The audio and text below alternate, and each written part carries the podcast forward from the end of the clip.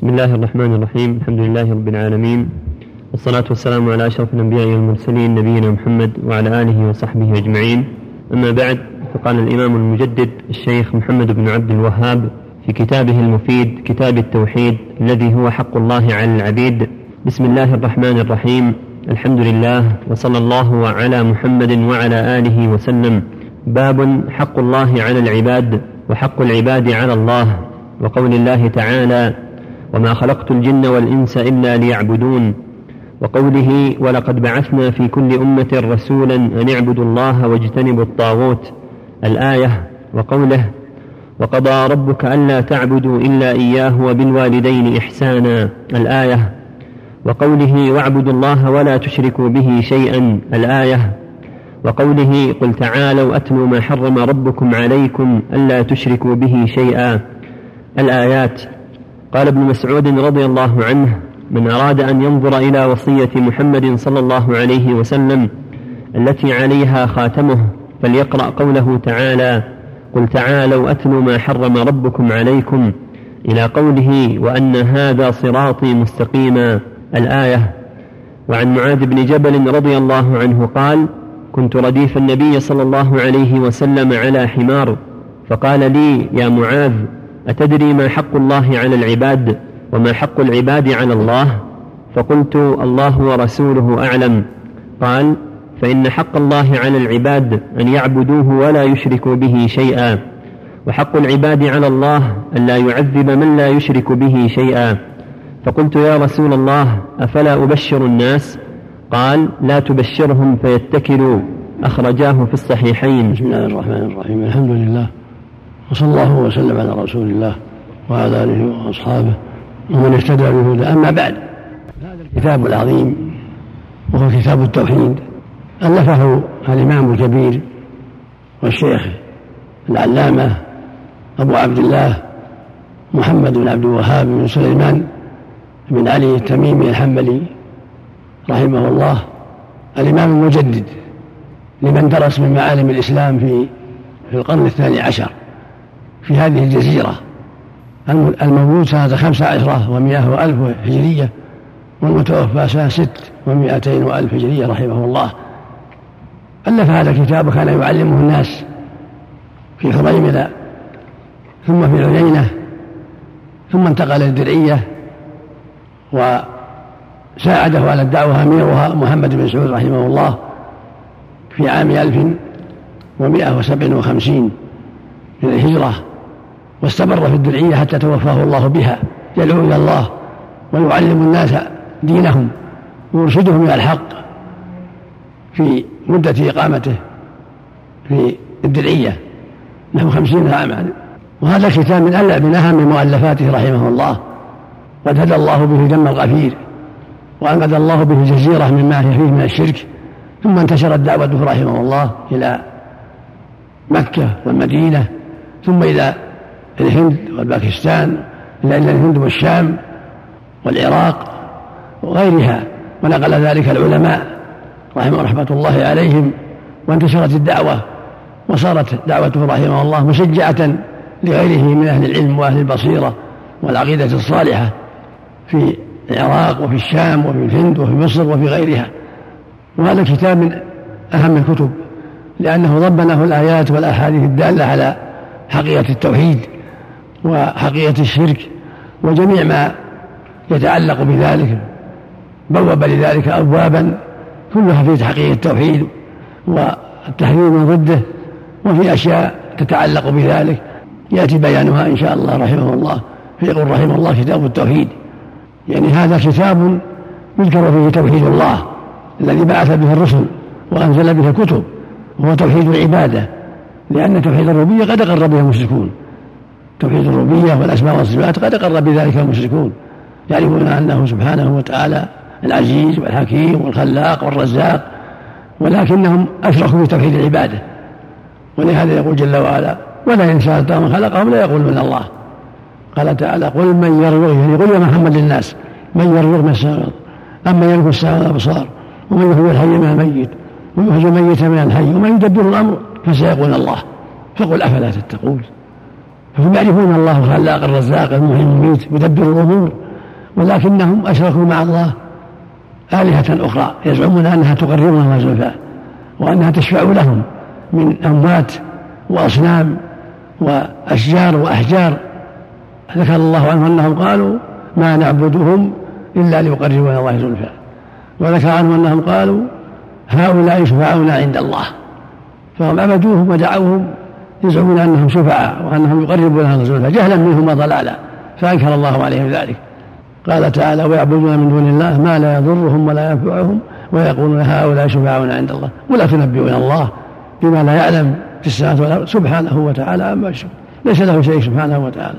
قال تعالى فاعبد الله مخلصا له الدين والذين اتخذوا من دون أولياء ما نعبدهم إلا ليقربوا زلفى يعني يقولون ما نعبدهم إلا ليقربوا زلفى قال الله سبحانه إن الله يحكم بينهم فيما هم فيه يختلفون إن الله لا يهدي من هو كاذب كفار كذبهم بقولهم يقربون زلفى وأنهم كذب في هذا وأنهم كفرة بهذا العمل. فدل ذلك على أن دعوة الأموات والاستغاثة بالأموات والنذر لهم والذبح لهم أو للغائبين أو للكواكب أو للأصنام أو للجن هذا هو الشرك الأكبر. هذا دين المشركين. قال تعالى قل إن صلاتي قل يا محمد إن صلاتي ونسكي ومحياي ومماتي لله رب لا شريك له. وبذلك أمرت وأنا أول المسلمين. قال تعالى إنا أعطيناك الكوثر فصل لربك وانحر. وقال النبي صلى الله عليه وسلم لعن الله من ذبح لغير الله. قال جل وعلا وأن مسائل الله فلا تدعو مع الله أحدا. قال سبحانه من يدعو مع الله إلها آخر لا برهان له به فإنما حسابه عند ربه إنه لا يفلح الكافرون. قال النبي صلى الله عليه وسلم من مات وهو يدعو لله ندا دخل النار. فالواجب على جميع الثقلين الجن والإنس أن يعبدوا الله وحده وأن يخصوه بالعبادة بالدعاء والخوف والرجاء والذبح والنذر والصلاة والصوم وغير ذلك كله لله وحده. قال تعالى وما خلقت الجن والإنس إلا ليعبدون خلقهم ليعبدوه وهذه العبادة دعاؤه ورجاؤه وخوفه ومحبته والصلاة له والصوم وغير هذا من طاعته. هذه العبادة التي خلق لها وهي الإسلام. إن الدين عند الله الإسلام. وهي الإيمان والهدى ولقد جاءهم من ربهم الهدى. وهي البر والتقوى. يا أيها الناس اتقوا ربكم ولكن البر من اتقى. فالواجب على الجميع أن يعبدوه وحده. وهذه العبادة هي تخصيصه بأفعالهم من صلاة وصوم ودعاء ودعاء ونذر وخوف وغير ذلك. كله لله وحده. وهذه العبادة تسمى إسلاما وتسمى دينا وتسمى هدى وتسمى إيمانا وتسمى تقوى وتسمى برا. هذه العبادة التي خلقوا لها وما خلقت الجن والإنس إلا ليعبدون. يعني إلا ليخصوني بالعبادة دون غيري. قال تعالى وقضى ربك ألا تعبدوا إلا إياه. يعني أمر ووصى ألا تعبدوا إلا إياه. يعني تخصوه بالعبادة. قال تعالى ولقد بعثنا في كل أمة رسولا أن يعبدوا الله جل والطاغوت خلق الخلق ليعبدوه وأرسل الرسل بذلك. أرسل الرسل تأمرهم بهذا. وأنزل الكتب تأمرهم بهذا. القرآن نزل بهذا. واعبدوا الله ولا تشركوا شيئا ويقول سبحانه وما أمروا إلا ليعبدوا الله مخلصين له الدين حنفاء فاعبد الله مخلصا له الدين. ألا لله الدين الخالص. إياك نعبد وإياك نستعين. قال تعالى واعبدوا الله ولا تشركوا بشيء. يعني وحدوا الله خصوا بالعباده ولا تشركوا بشيئا. قال تعالى قل تعالوا اتلوا ما حرم ربكم عليكم. يعني قل يا محمد للناس تعالوا. يعني هلموا وأقبلوا. اتلوا عليكم يقص عليكم. ما حرمه الله عليكم وهو الشرك بالله. حرم عليهم أن يشركوا به سبحانه وأوجب عليهم أن يخصوه بالعبادة. ولا تقتلوا أولادكم من املاق نحن نرزقهم واياهم ولا تقربوا فاحش ما ظهر بطن ولا تقتلوا النفس الذي حرم الله إلا بالحق. ذلكم وصاكم به لعلكم تعقلون. ولا تقربوا مال اليتيم إلا بالتي أحسن حتى يبلغ أشده. وأوفوا الكلام الميزان القسط لا نكلف نفسا إلا وسعها. وإذا قلتم فاعدلوا ولو كان ذا قربى وبعهد الله أوفوا. ذلكم وصاكم به لعلكم تذكرون. ثم قال بعده وأن هذا صراطي مستقيما فاتبعوه. يعني هذه الأوامر والنواهي هي صراط الله. توحيد الله وترك الإشراك به وبر الوالدين وعدم قتل الأولاد بغير حق كما تفعل الجاهلية. كل هذا من دينه الذي شرعه الله لعباده والحذر من الفواحش ما ظهر ما ظهر من بطن. والإحسان إلى الأيتام والوهب بالكلم والميزان والوهب بالعهد. والعدل في القول والعمل كله من دين الله كله من الإسلام كله داخل في العبادة التي خلقوا لها وهي عشر مسائل. قال ابن مسعود رضي الله عنه من أراد أن ينظر وصية محمد صلى الله التي عليه فاتم فليقرأ هذه الآيات يعني هذه الآيات من سورة الأنعام. قل تعالوا أتوا ما حرم ربكم عليكم لأن الله أوضح فيها الأوامر والنواهي. هذا هو دين الله. وصاهم الله بذلك. وصاهم أن يخصوه بالعبادة وأن لا يشركوا شيئا. وأن يقتلوا أولادهم من إملاق يعني من فقر. الله يرزق الجميع سبحانه. وحذرهم عن الفواحش وهي المعاصي. ما ظهر ما ظهر منها بطن ونهاهم عن قتل النفوس بغير حق. وأمرهم بالإحسان الايتام وعدم قربان أموالهم إلا بالتي هي أحسن. ولا تقربوا التي إلا بالتي أحسن. حتى يبلغ أشده. يعني حتى يبلغ الحلم وحتى يزول عنه السفه. فالواجب على أولياء الأيتام الإحسان إليهم. وعلى غيرهم أيضا. أن يكفوا شرهم عن الأيتام ومالهم وأن يحسنوا إليهم حتى يبلغوا ويرشدوا ثم يعطوا أموالهم. قال واوفوا الكيل والميزان بقسط العدل في الكيل والميزان وعدم الجور وعدم الحيف وقصه كذلك جل وعلا قال وإذا قلتم فاعدلوا. يعني إذا قلتم أمرا أو نهيا أو حكما فاعدلوا لا تجروا في الأحكام ولا في الأقوال ولا في الأعمال. ثم قال وبعهد الله أوفوا. يعني عهد الله لعهد إليكم. عهد إلينا أن نتقيه وأن نعبده وحده لا شريك له وأن نطيع أوامره وأن ننتهي عنه. هذا عهده. وبعهد الله أوفوا ذلكم وصاكم به لعلكم تذكرون. قال تعقلون هم تذكرون. إذا عقل الناس وتدبروا تذكروا. ثم قال بعده وأن هذا صراطي مستقيما فاتبعوه. يعني هذه الأوامر والنواهي هي صراط الله. أصلها وأساسها التوحيد والإخلاص لله. ثم فعل الأوامر. وترك النواهي. هذا صراط الله المستقيم. كما قال تعالى اهدنا الصراط المستقيم. يعني طريق الجنة طريق الهدى وهو الإسلام وهو الطريق إلى الجنة وهو السبيل السعادة وهو العلم والعمل. العلم بشرع الله والعمل بذلك. وأساسه ورأسه توحيد الله والإخلاص له. ثم فعل الأوامر من صلاة وغيرها وترك النواهي من سائر المعاصي. هذا هو صراط الله المستقيم. وهو صراط المنعم عليهم صراط الذين أنعمت عليهم هو صراط المنعم عليهم من الرسل وأتباعهم صراطهم وسبيلهم هو الصراط المستقيم هو دين الله هو توحيد الله وطاعته هو ترك الإشراك به هو الاستقامة على دينه فما أراد أن ينظر إلى محمد التي أوصى بها فليقرأ هذه الآيات إن لم وصى لم لم يوصي إلى ما وصى الله به لأن الله قال ذلك وصاكم به والرسول صلى الله عليه وسلم يوصي بما وصى الله به فهذه الآيات وصية الله ووصية الرسول كما قال ابن مسعود رضي الله عنه.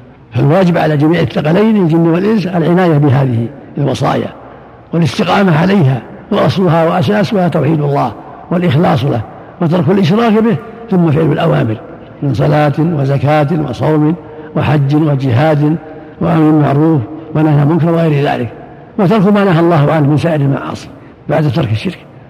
ثم ذكر رحمه الله هذه معاذ حين كان مع النبي صلى الله عليه وسلم على حمار. قال يا يا معاذ أتدري ما حق الله على العباد؟ وما حق العباد على الله قلت الله ورسوله. هذا فيه الأدب. من سئل عما لا يعلم قال الله أعلم. في حياة النبي قال الله ورسوله أعلم. لأنه يأتيه الوحي عليه الصلاة والسلام. أما بعد وفاته فيقال الله أعلم أو يقول لا أدري.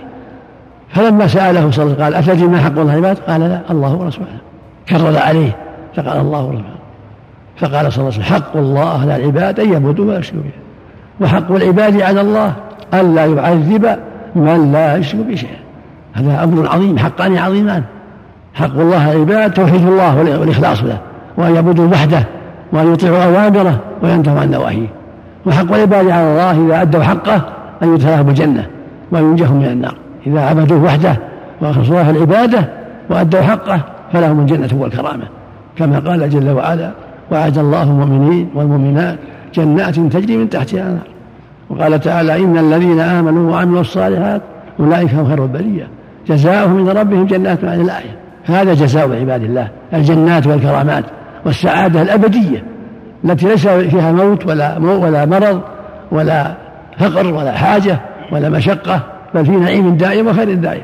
هذا جزاء من عبد الله واستقام على أمره وحافظ على حدوده وابتعد عن مناهيه.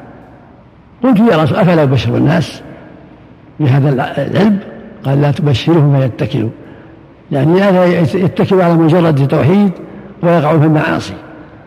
ثم إن معاذ بين ذلك في آخر حياته تأثما تحرز من الاثم والنبي بين هذا في أحاديث أخرى بين ذلك لأمته عليه وحذرهم من الاتكال. حذرهم وبين لهم أنه لا بد مع التوحيد من حق الإسلام.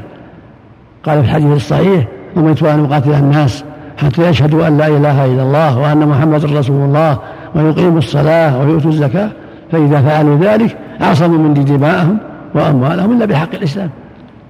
فالطاعات كلها من حق الإسلام ترك المعاصي من حق الإسلام. ولهذا لما ارتد من ارتد من العرب وتركوا وامتنعوا من أداء الزكاة في عهد الصديق رضي الله عنه بعد وفاة النبي صلى الله عليه وسلم قاتلهم الصديق وقال إن الزكاة من حق الله الزكاة من حق لا إله إلا الله. والله لو منعوا لي عناقا من لفظ عقالا كانوا يؤدونه إلى رسول الله لقاتلتهم على منعه. فقاتلهم هو الصحابة حتى خضعوا للحق ودخلوا في دين الله وأدوا الزكاة والتزموا بأمر الله. والنبي صلى الله عليه وسلم بين هذا في أحاديث كثيرة أنه لا بد من توحيد الله والإخلاص له ولا بد من أداء حقه. ألا وإن حمى الله محارمه حمى الله محارمه لا بد من أداء ما أوجب الله. والله بين هذا بقوله سبحانه تلك حدود الله.